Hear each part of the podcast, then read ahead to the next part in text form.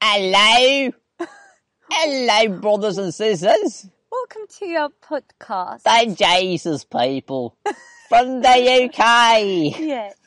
Lovely. Podcasting from the UK. Indeed, indeed.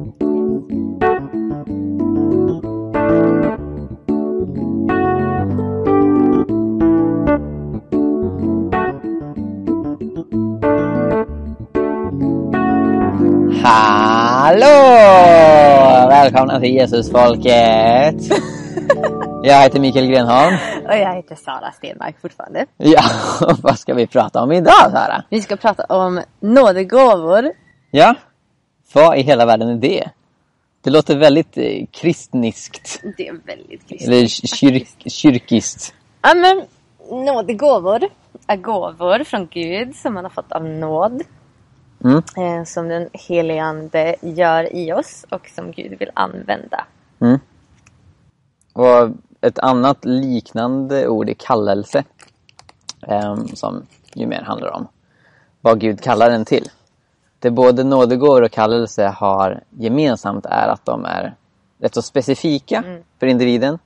De står i kontrast till universella bud som ges till alla kristna och till och med alla människor i många fall. Till exempel, du ska inte mörda från Andra Mosebok brukar oftast inte ses som en ja, men, individuell nådegåva. Ja, Jag kallad ja, jag, jag att inte mörda någon. Precis. Jag känner mig lite osäker. Jag känner ofrid över det här, det här mordförbudet. Det, det är få som, som tycker att, att så är fallet. Utan då säger man okej, det, det är ett universellt bud att vi inte ska mörda varandra. Men ett exempel på en eh, individuell nådegåva kan kanske vara att predika. Eh, För det är inte alla kristna som gör. Och inte alla kristna som känner sig bekväma med. Och kanske inte alla kristna som, alltså, som ska. som ska göra det. Alltså det blir inte minst ganska pratigt om alla ska predika på ett möte. Ehm, och vissa känner sig mycket mer bekväma med att göra andra saker. Ja men till exempel be, be för helande kan ju vissa ha med gåvan att göra. Alltså Mm. sen så kan vi ju alla göra det. Men för vissa tenderar det hända oftare att någon faktiskt blir helad. Ja. Så allt det här är ganska okontroversiellt. Nu ska vi prata om något kontroversiellt eller provocerande. Ehm, vi har nämligen båda noterat ett ganska vanligt problem. Eh, att man kallar sånt som egentligen är universellt, alltså av samma typ som du ska inte mörda, för en nådegåva eller kallelse. På grund av att man helt enkelt vill undvika att göra det själv. Ett exempel som jag har ehm, stött på. Nej, det, det finns ju sån här inom, inom den kristna sfären. Eh, sån här testa vad du har för nådegåva-test.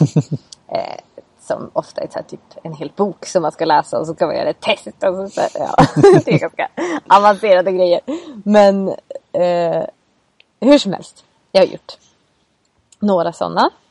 Och eh, då, då eh, är nästan alltid en av gåvorna med att så här, typ frivillig fattigdom Mm. eh, som en nådegåva. Um, och jag, jag brukar få den. Mm. Kanske för att jag inte Kanske för att jag inte bryr mig sådär supermycket om pengar. Eller så här, Ja, du lever rätt så enkelt. Ja, lever enkelt. Mm. Ehm, men men så har jag verkligen börjat ifrågasätta. Bara, är det här verkligen en nådegåva? Eh, och varför pratar man det om, om det som en nådegåva? Och mycket när jag pratar med människor om enkelhet eh, och att kallelsen att dela med sig av sina, alla sina tillgångar. Eh, så brukar jag få invändningen att bara, typ, nej men jag har inte den gåvan vet du. Mm. Det, det, jag har inte den gåvan. Tyvärr så är jag fast här i rikedomsträsket. Aj, aj, aj, stackars dig. Ja, verkligen. Mm. Verkligen. Ehm, ett annat exempel tycker jag är um, egendomsgemenskap. Mm. Jag har nyligen ehm, publicerat ett, ett inlägg på hela pingsten när jag diskuterat tre problem ehm, med, med att eh, beskriva egendomsgemenskap som en kallelse för vissa. Som det sällan pratas om för att de flesta hoppar direkt till den slutsatsen. Eh, de läser om egendomsgemenskapen i, i Bibeln, i Apostlagärningarna, hur alla hade allt gemensamt i den första församlingen och utgår från att det var det sen. Alltså, den, den första församlingen provar på det och sen slutar de med det och sen behöver ingen annan göra det. Mm. Ganska många som tänker, eller möjligtvis, ja men det här är något för vissa och inte för andra. Eh, och jag ska inte gå in på detalj med vad, vad de här tre problemen är. Ni kan gå in och läsa på helapingsten.com eh, själva. Eh, men eh, till exempel så blir det problematiskt i och med att de flesta fattiga skulle, eller alla fattiga skulle gynnas av egendomsgemenskap. Eh, och då så är frågan, vil- vilka fattiga är det som Gud inte kallar? Så någonstans behöver man ändå ladda i att om egendomsgemenskap utrotar fattigdom, vilket det allra oftast gör, eh, så vore det ju bra om så många möjliga fattiga som, som möjligt var med där. Eh, och då behövs det rika som kan kompensera för det. Ett tredje exempel är evangelisation. Och där säger Bibeln uttryckligen att, att evangelist är något som vissa är kallade till. Men jag tror att ehm, alla fortfarande kan evangelisera, även om man inte är evangelist. Eh, och vi kommer komma in på det snart när, när Paulus beskriver saker som gäller alla på en grundnivå som, som även kan vara en specifik nådegåva. Så det behöver inte eh, utesluta varandra. Eh, och där tror jag att det finns ett grundläggande evangeliserande som det står till exempel om i första Petrusbrevet 3 att, att svara var och en om det hopp vi äger och Kolosserbrevet 4 ehm, att kunna ge, ge svar på tal och, och berätta för andra. Ehm, att var, varje ord ska vara saltat, säger Paulus, eh, med evangelium. Och inte att förglömma missionsbefallningen. Ja, missionsbefallningen är också relativt relevant. Gå ut och göra alla folk eh, till lärjungar.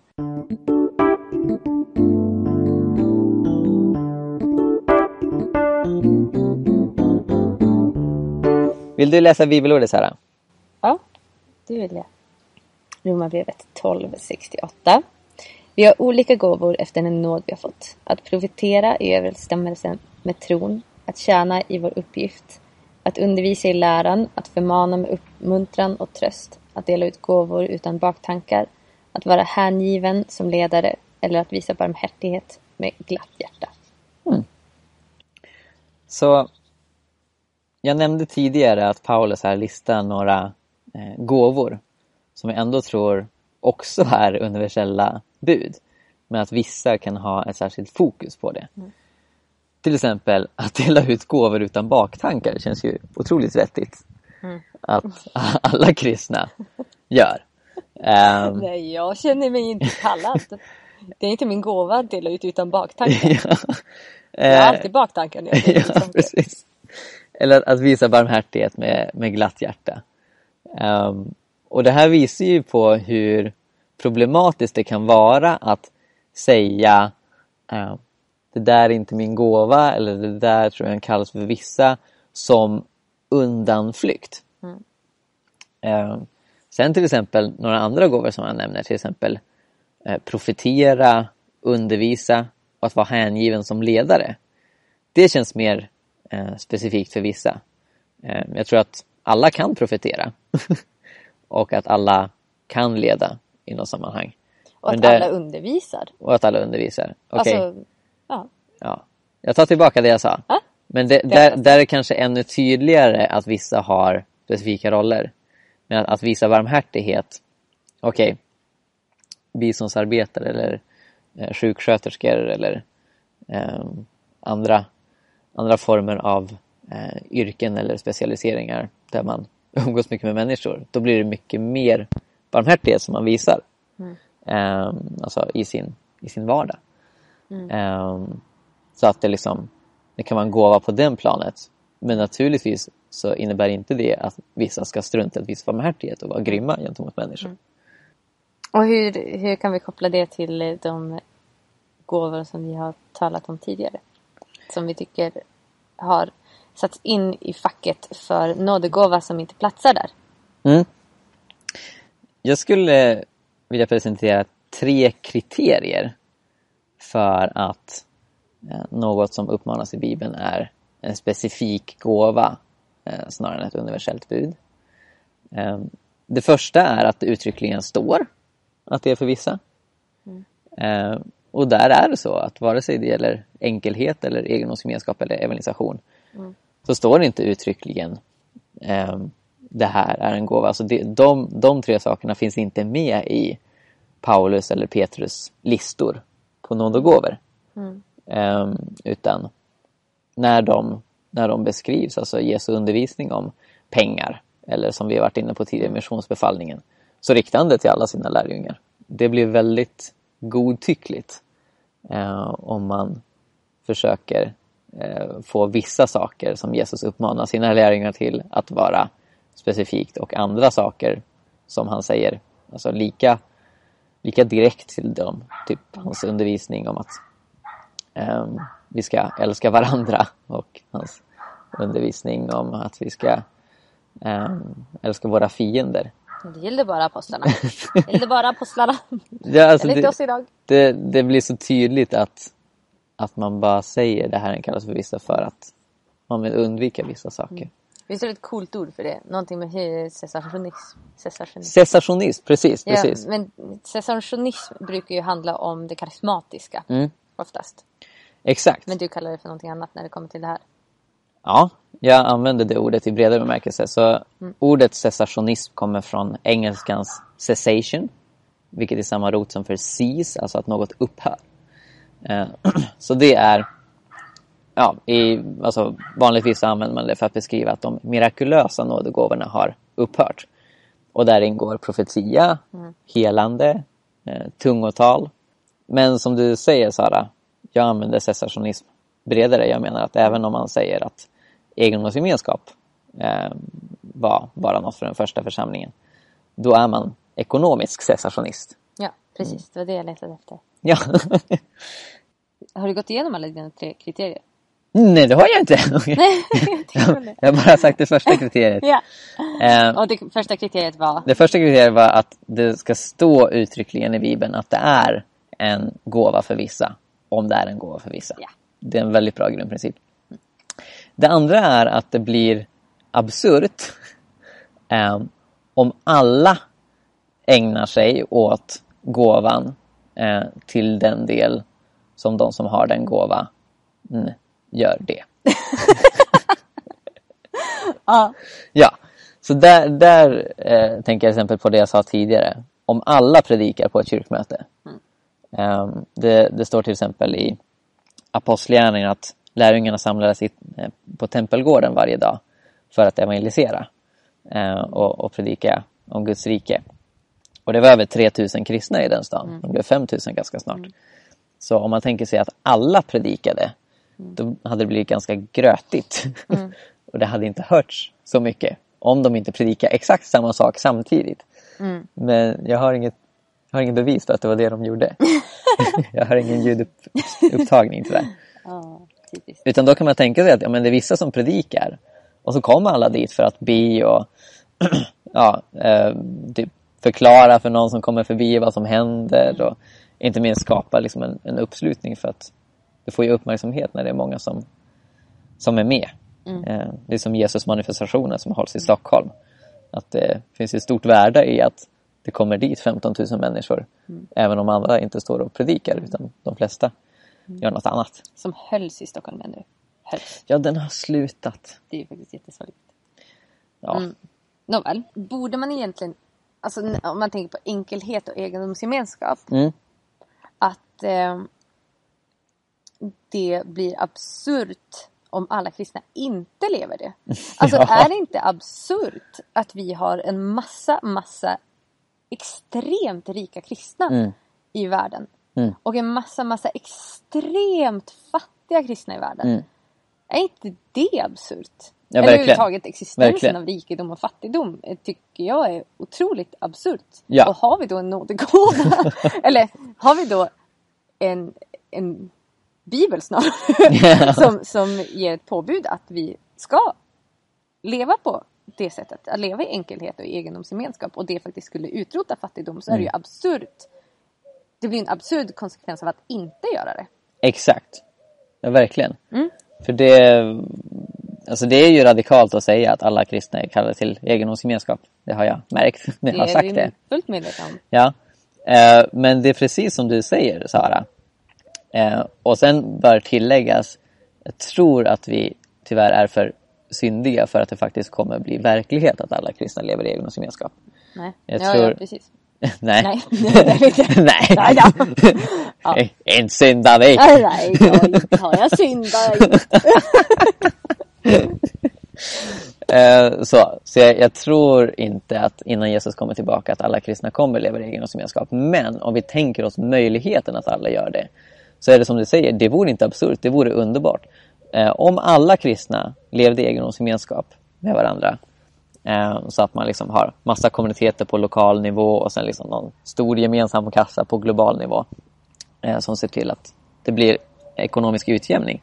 Ja, eller att man kan strukturera lite mindre kanske. Men att alla levde så. Vi behöver inte ha en global gemensam kassa. Jo, all, alla, alla ska gå med i min kyrka. Sen, sen ska jag kontrollera allas Ja. pengar. Det tror du. Ja, Du är och- och så ska Så egendomsfixerad. ska jag se till att alla har samma nivå. Särskilt vi, Sara. Ah, Vi, vi, ska ha li, vi ska ha lite mer samma nivå än alla ja, andra. precis. Det här spelas inte in va? Han skojar. Ja. Jag skojar, jag skojar. Jag är ingen säckledare. Säckledare. jag är ingen säckledare. Ah, Ja. vad pratar... Jo! Eh, ja, Nej, men om, om, man, om man tänker sig det. Att all, alla lever på det sättet. Då skulle ingen av världens åtminstone en miljard kristna vara fattiga. Eh, och det vore något objektivt sett väldigt, väldigt gott. Eh, också det att ingen skulle vara rik, som du säger, vore väldigt, väldigt gott. Ehm, och det finns ju kyrkor där alla lever i egendomsgemenskap. Som till exempel flera huteritiska kyrkor. Eh, Broderhof. Eh, där lever alla i egendomsgemenskap. Och de utrotar ju fattigdom inom, inom sig själva. Och det är också rörelser som har funnits väldigt länge. Ja, I synnerhet huteriterna. ja, de har ju funnits sedan Ja, 1500-talet. precis. Så det, det finns ju vissa som säger ja det där med egendomsgemenskap det, det kommer kollapsa och liksom ni... Men det funkar inte i längden. Nej, precis, precis.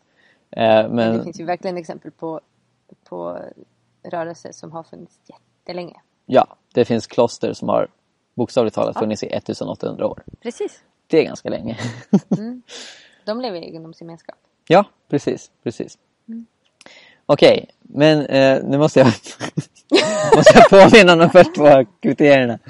Eh, eh, det första kriteriet var att det uttryckligen står i Bibeln att det är för vissa. Det andra är att det blir absurt om alla gör en specifik nådegåva. Och det tredje så tror jag faktiskt att personlig frid är ganska viktigt. Nå, låt mig modifiera det. Jag tror att det går att, att kallas av Gud eh, och få en gåva till att göra någonting eh, som man till en början inte vill. Eh, eller hur? Mm, absolut. Ja. Du fick ett tilltal Sara om att du skulle få en man. Det vill inte jag. Och det ville inte hon. Nej. Men det kanske du får. En dag. Man vet aldrig. Nej, men för, för sen efter ett tag så kunde du... ehm, Efter många år ja. så kunde jag tänka mig det. Ja, men och du har till och med beskrivit att du var intresserad av det. Eller liksom kunde på något sätt vilja ha det. Ja. Jo men precis. Hoppas jag. Att det, att, Nej, men att det växte fram en längtan. Ja, precis. Precis. En Men längtan. det tog flera år för mig att så här, processa den tanken på att Gud vill något jag inte vill. Mm. Eh, ja. Ja, och jag tänker på Jona i Bibeln till exempel. Mm. Som kallar sig att predika evangeliet i Nineve. Han är så besviken. Och så, så hoppar han i första bästa båt mot Spanien. Vilket ju ligger åt motsatt håll. För Han, han ville verkligen inte. Eh, och sen så efter många om och men och stora fiskar. Eh, så hamnar Joneve i Nineve. Jo, jo, Joneve hamnar i Nineve. jo, nej, men. Ja, och så predikar han där. Och sen så blir han sur för att de faktiskt omvänder sig. Mm. Så han vill att de ska dö. Och så tycker han att Gud borde förgöra staden ändå. Ja, precis, precis. Så han, han, han verkar inte heller känt liksom, ja men jag känner frid kring det här. Så jag tror, jag tror friden kommer när det, när det är en nådegåva. Ehm, jag tror inte Gud kallar oss till någonting som vi kommer hata och avsky hela livet. Nej. Utan det spelar roll. Men när det är ett universellt bud, då spelar det ingen roll vad vi känner Mm. egentligen. Där, där kommer friden sekundär. Och sen funkar ju Gud så att när, när vi väl kliver ur båten och går på vattnet så, så kommer vi känna att det håller. Så jag tror även där så kommer friden komma. Alltså även de som känner, nej men jag, jag vill verkligen inte leva enkelt, kommer finna att det är enkelt att leva enkelt. Psh. Och eh, att, att det är något bra. Ja. ja, men precis. Och jag har ofta upplevt det att när jag när jag har lagt ner min egen rättighet om saker. Eh, ja men till exempel om att så här, nej jag vill inte gifta mig men Gud ske din vilja förändra mig om du vill. Eh, när jag har lagt ner rättigheten som, jag, som jag tar mig om saker så, så skap, alltså, då ger ju också Gud ett, eh, vad ska man säga, jag ger honom möjlighet att, att förvandla mitt Mm. hjärta i det också som gör att jag också vill. Precis. Ehm, mm. Men hur ska vi summera detta Sara? Ja men alltså om man skulle applicera de här tre kriterierna på de här områdena då. Mm. Nu har vi gjort det lite. Ja, i och för sig. Men, eh, men enkelhet och egendomsgemenskap. Det står inte uttryckligen att det är för vissa. Nej. Utan det är någonting som... Det, det beskrivs i väldigt universella termer skulle jag säga. Alltså Je- Jesus säger i Lukas 14.33 att man inte kan vara hans lärjunge om man inte gör upp allt han äger. That's pretty universal, skulle jag säga. Lukas, ja, du menar att Jesus säger i Lukas evangeliet att man inte kan vara hans lärjunge. Det är inte Lukas som säger att vi inte kan vara Lukas lärjunge, eller hur? Så är det. I vilket fall, Lukas 14.33. Look it up, det är sant. Eh, och i 12.33 så säger han, Mm. Ja. sälj vad ni äger till, till alla sina lärjungar. Mm. Ehm, samla inte Precis. Mm. skatter på jorden i Matteus 6, säger han också till alla sina lärjungar. Och då pratar han inte om egendomslöshet utan han pratar om egendomsgemenskap. Precis. Två helt olika saker. Ja, för det, det är ganska tydligt sen eh, Lukas har också skrivit Apostlagärningarna. Eh, och när han beskriver egendomsgemenskapen där, då säger han att de sålde vad de ägde. Så, så buden, sälj allt du äger. I, I många öron låter det som att man ska liksom kasta allt i sjön och sen sätta sig naken i skogen och äta bara och kottar. Men det är inte vad Jesus menar. Eh, Det är inte så det budet är tänkt att, att förstås, utan det är att leva ett liv tillsammans med de fattiga. Mm. Och han säger ju inte att om du har nådegåvan att leva så här. eh, då ska du känna efter riktigt först. Nej. Nej, han gör inte det. Om du känner för det. eh, utan, utan han säger det till alla. Mm. Eh, och samma sak med evangelisation. Mm. är ju väldigt tydligt till alla. Tycker jag. Mm. Oh ja. Absolut. Alltså, det är ju liksom en av grundbultarna i, i vår tro. Ja. Att, att eh, ja, att vi, alltså, alla behöver Jesus. Och vi Precis. som har Jesus behöver dela med oss. Mm. Nu måste du dela med dig. ja, Matteus 10, predika Guds rike där ni går fram, bota sjuka. Och det vore ju inte alls absurt Nej. om alla gjorde det. Nej. Faktiskt. Nej, alltså det, återigen, det är skillnad på att vara evangeliserande och evangelist.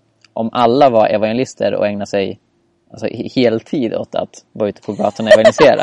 alla hade varsin röd Då- låda. Ja men precis, då, då hade det inte blivit så mycket mat och annat som vi behöver. Eh, så. Men att alla tar vara på de tillfällen som dyker upp och att församlingarna alltså, tränar sina, sina medlemmar i, i evangelisation. Att gudstjänst inte bara är något internt där man låser in sig utan att en gudstjänst också kan vara ute på torget. Eh, tror jag definitivt är väldigt, väldigt sunt. Mm. Och inte alls absurt. Ja men precis. Och personlig frid. Mm. Sheen Claiborne. Mm. Han är ju klok ibland. Ja, För ofta. det mesta.